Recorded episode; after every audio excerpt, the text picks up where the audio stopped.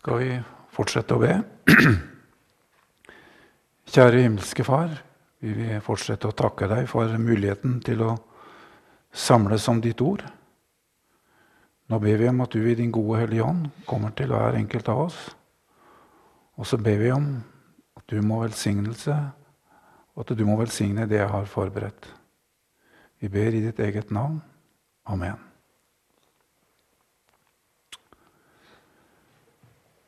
Teksten i dag, på søndag før pinse, er hentet fra Jesus sin samtale med Nikodemus.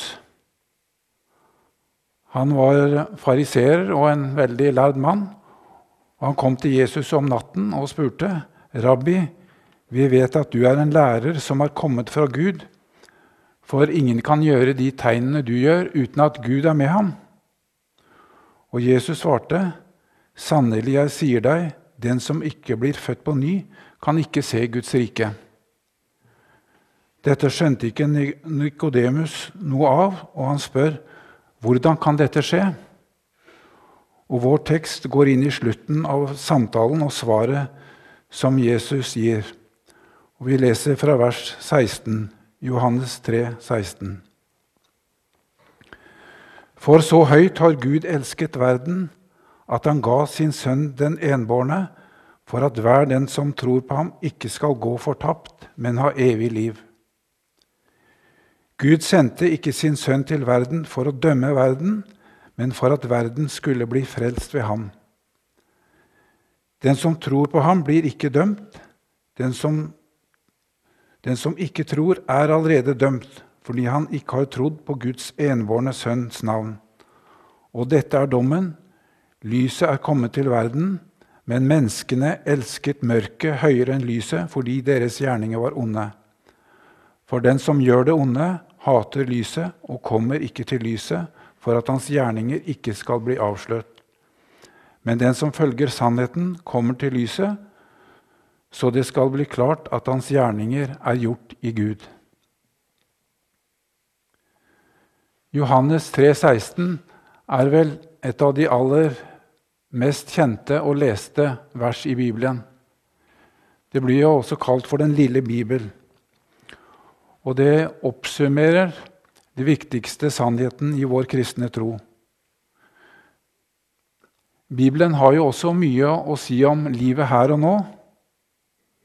Men dette verset inneholder hovedhensikten med hvorfor Jesus måtte lide og dø. Frelse og evig liv. Og det er et vers som blir lest ved viktige begivenheter i kirken, både ved dåp og gravferd. Og Gud elsker fordi han er kjærlighet. Det er selve utgangspunktet for Bibelens frelse. Og alle mennesker er inkludert. Ingen unntagen onde og gode. Nordmenn og svensker og afrikanere, amerikanere, muslimer, hinduer, islamister. Alle er inkludert i frelsen. Absolutt alle innbefattet i det som skjedde på Golgata. Og Vi er alle i samme båt, og vi hørte det også i teksten på Kristi himmelfartsdag at omvendelse og tilgivelse skulle forkynnes for alle folkeslag. Alle folkeslag, alle mennesker har behov. Det finnes ingen annen løsning. Og For mange kristne er dette verset et unikt holdepunkt når tvil og tro vil forstyrre frelsesvissheten. Gud er kjærlighet. Derfor vil han frelse oss.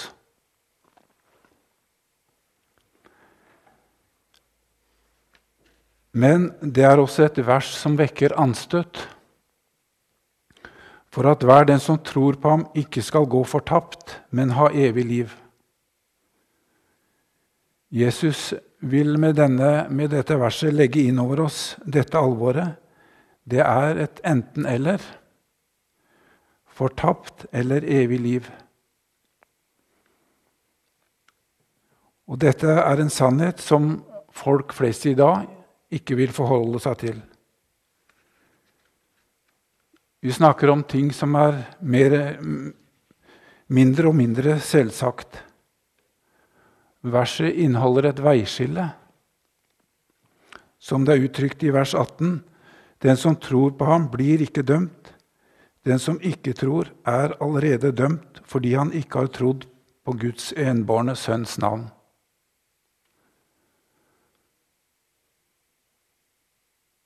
Og som jeg sa, vi er alle i samme båt, og alle har behov for den samme frelsen. Og Paulus sier i Romerne 3,10.: Det finnes ikke én som er rettferdig, ikke en eneste. Det finnes ikke én som forstår, ikke én som søker Gud. Ikke en veldig oppløftende sannhet. Men hvis ikke dette får være bakteppet for Guds frelsesaksjon, så blir kristendommen så selvsagt. Og David sier i Salme 51, 51,7.: Ja, med skyld ble jeg født, med synd ble jeg til i mors liv. Er dette et budskap å komme med i en tid hvor så mange mennesker lever med selvforakt og dårlig selvfølelse? Men da må vi også holde fast ved en annen sannhet. Vi er skapt i Guds bilde og har uendelig verdi. Det skal vi takke og prise ham for, som David gjør i Salme 139. Jeg takker deg for at jeg er så underfullt laget.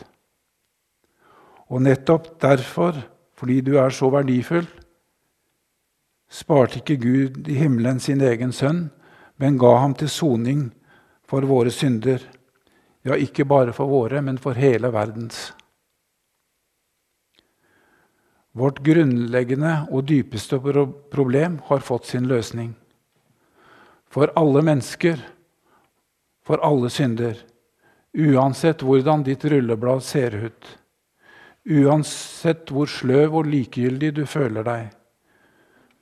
Uansett hvor lite du får til. Uansett hvilken livssituasjon du er i, så sier han, 'Kom til meg, alle dere som strever og bærer tunge byrder, og jeg vil gi dere hvile.' Du er elsket av Gud. Min Gud er en forsonet Gud. Min himmel er nå åpen, synger vi. Ved troen på Jesus har du evig liv.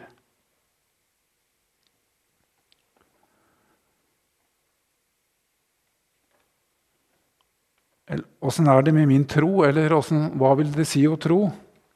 Og Jesus bruker et eksempel for Nikodemus. Han trekker fram historien om Moses og kobberslangen. De som ble bitt av slanger, de kunne se opp til kobberslangen. Så berga de livet. Og på samme måte med oss. Jesus ble hengt opp på et kors, og vi kan på samme måten vende blikket mot korset.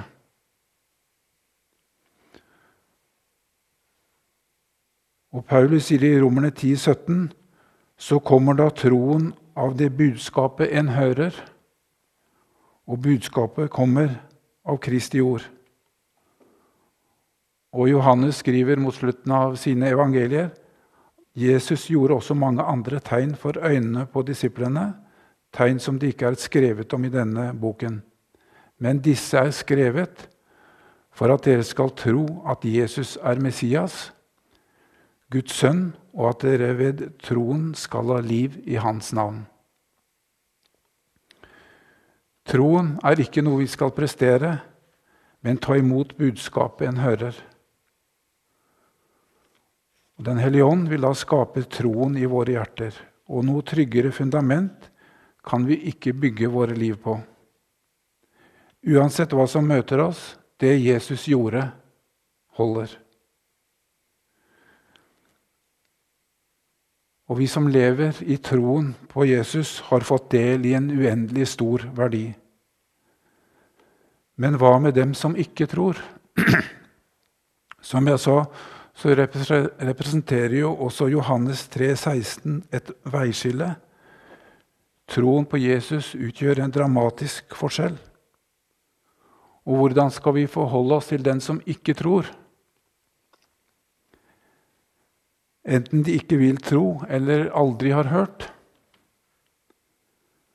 Er det noe vi lever greit med, eller er det en nød for oss?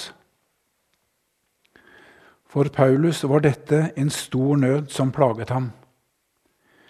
Vi leser i Romerne 9, 2. Jeg bærer stor sorg i hjertet og plages uavbrutt. Ja, jeg skulle gjerne vært forbannet og skilt fra Kristus om det bare kunne være til hjelp for mine søsken, som er av samme folk som jeg. De er israelitter, de har retten til å være Guds barn, og herligheten, paktene, loven, tempeltjenesten og løftene tilhører dem. De har fedrene, og fra dem stammer også Kristus, han som er Gud overalt, velsignet i all evighet. Og Jeg vil ta med en kommentar til dette verset som jeg leste i en andagsbok av Asbjørn Kvalbein. Sitat. Tårer felt i selvmedlidenhet er svakhetstårer, men tårer felt for andre er et tegn på styrke, skriver Billy Graham. Når gråt du sist, og hvorfor? Jeg vil ikke snakke lettvint om gråt, men tårene våre stammer fra det innerste av hjertet. Er det plass der inne for andre enn oss selv og våre egne skuffelser? Bærer vi andres nød som vår egen? Gråter vi fordi noen av våre nærmeste ikke er frelst? At millioner av mennesker ennå ikke har hørt evangeliet, er det nød for oss? Jeg kjenner mange som er preget av den nøden. De feller ikke selvmedlidenhetens tårer, men misjonssinnets tårer. De ber, de gir, og de viser omsorg for at mennesker må bli frelst. De deler Guds egen smerte. Når gråt du sist sammen med Gud? Sitat slutt.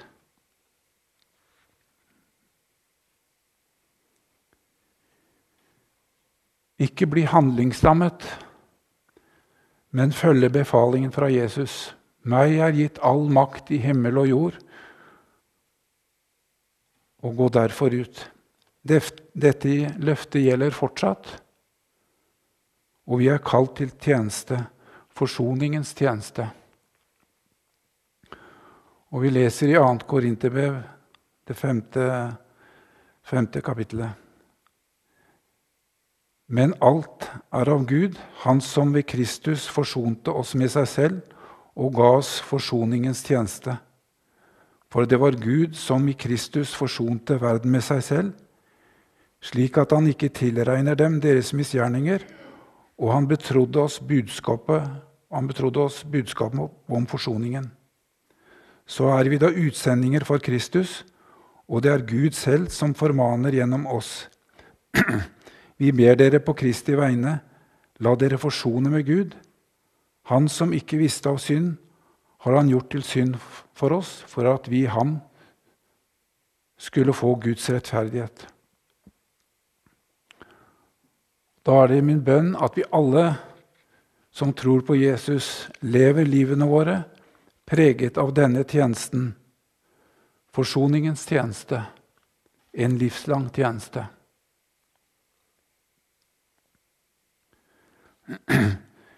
Siste halvdel av teksten taler Jesus om sammenhengen mellom tro og gjerninger. Og I vers 19 og 20 leste vi om den sammenhengen for de som ikke tror. Og dette er dommen. Lyset er kommet til verden, men menneskene elsket mørket høyere enn lyset fordi deres gjerninger var onde. For den som gjør det onde, hater lyset og kommer ikke til lyset for at hans gjerninger ikke skal bli avslørt. Og i vers 21 om de som lever i troen. Men den som følger sannheten, kommer til lyset, så det skal bli klart at hans gjerninger er gjort i Gud. Og slik avsluttet eh, Jesus samtalen med Nikodemus.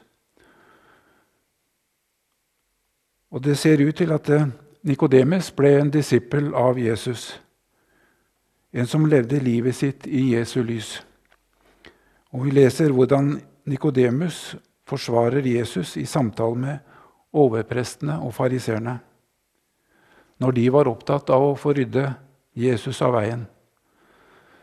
Så står det, det at Nikodemus, en av deres egne, han som tidligere hadde kommet til Jesus, sa da loven vår dømmer vel ikke et menneske uten forhør før en har fått vite hva de har gjort? Og videre så møter vi Nikodemus etter at Jesus var død. Han kom med kostbare salver for å salve Jesu kropp før den ble lagt i graven. Kommer til lyset. Vi bruker jo, jo ofte uttrykket 'å kaste lys over en sak' for å få en sak oppklart. Og vi har nå snakket om hvordan alle mennesker har behov for Guds frelse når Gud får kaste lys over våre liv. Og vi utfordres til å leve livene våre fra dag til dag i Guds lys. Jesus uttrykker det også på en annen måte bli i meg. Å komme til lyset og bli værende i lyset. Bli i lyset. Og Jeg opplever det som en stor utfordring. Rådende ideologi og syn på hva som er det gode liv, bryter med Bibelens syn på så mange områder. Og så er det så lett å se til andre, måle seg med andre. Men det er Skriften som må være vår norm for våre liv. Vi må måle og sammenligne våre liv med originalen, ikke kopier.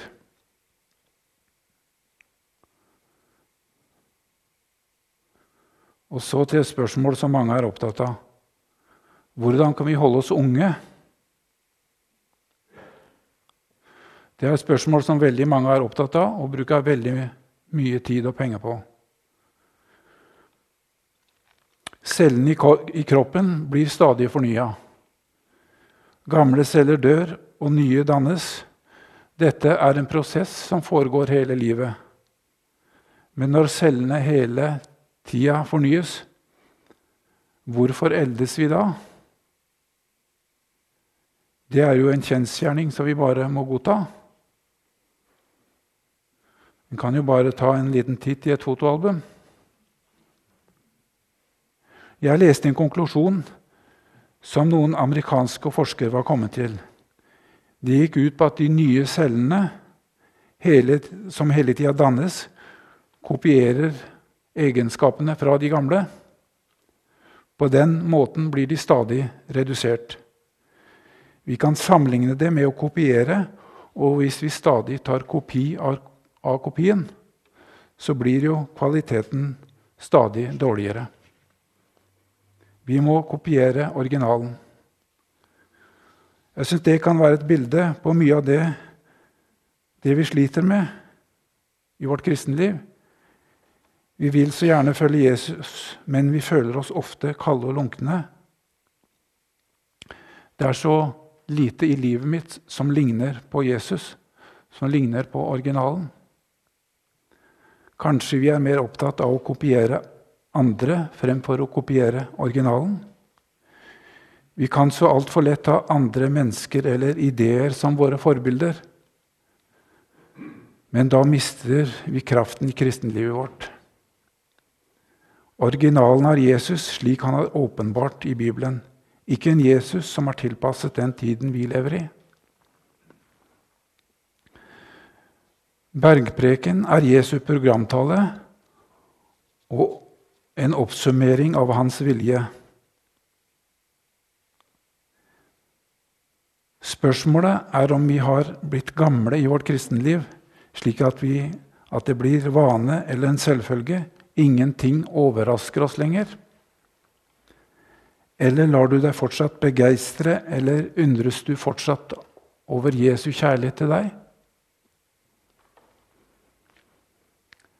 Menigheten i Efesus fikk høre at de hadde forlatt den første kjærlighet, og der i menigheten skjedde det mye bra. Ofte så er det vel sånn at vi opplever mye større begeistring og undring over Jesu kjærlighet fra mennesker som nylig har møtt Jesus. Og Slik er det også med barna. De blir ofte veldig begeistret når de hører og lærer hvordan Jesus er. De tar imot uforbeholdent, og Jesus bruker den som eksempel. Sannelig sier jeg dere, den som ikke tar imot Guds rike som et lite barn, skal slett ikke komme inn i det. Og det står at folk som hørte Jesus, var slått av undring. Skal vi holde oss unge i vårt kristenliv, må vi kopiere originalen. Eller som Jesus sier, 'Bli i meg, ikke i alle andre'. Det handler ikke om noe påbud eller strev, men at du i ditt liv er villig til å bli i ham, til å leve i lyset. Bli i meg, så blir jeg i dere. Han den hellige og rene får være med inn i ditt hjertes innerste rom. Ingenting holder du tilbake for ham. Og Jesus knytter store løfter til den som vil bli i ham. Den som blir i meg og jeg i ham, han bærer mye frukt. For uten meg kan dere intet gjøre.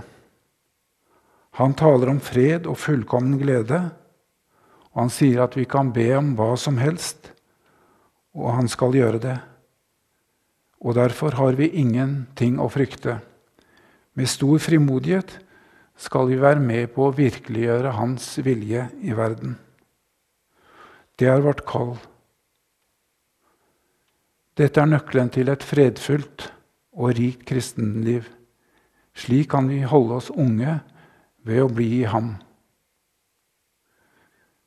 David sier i Salme 103,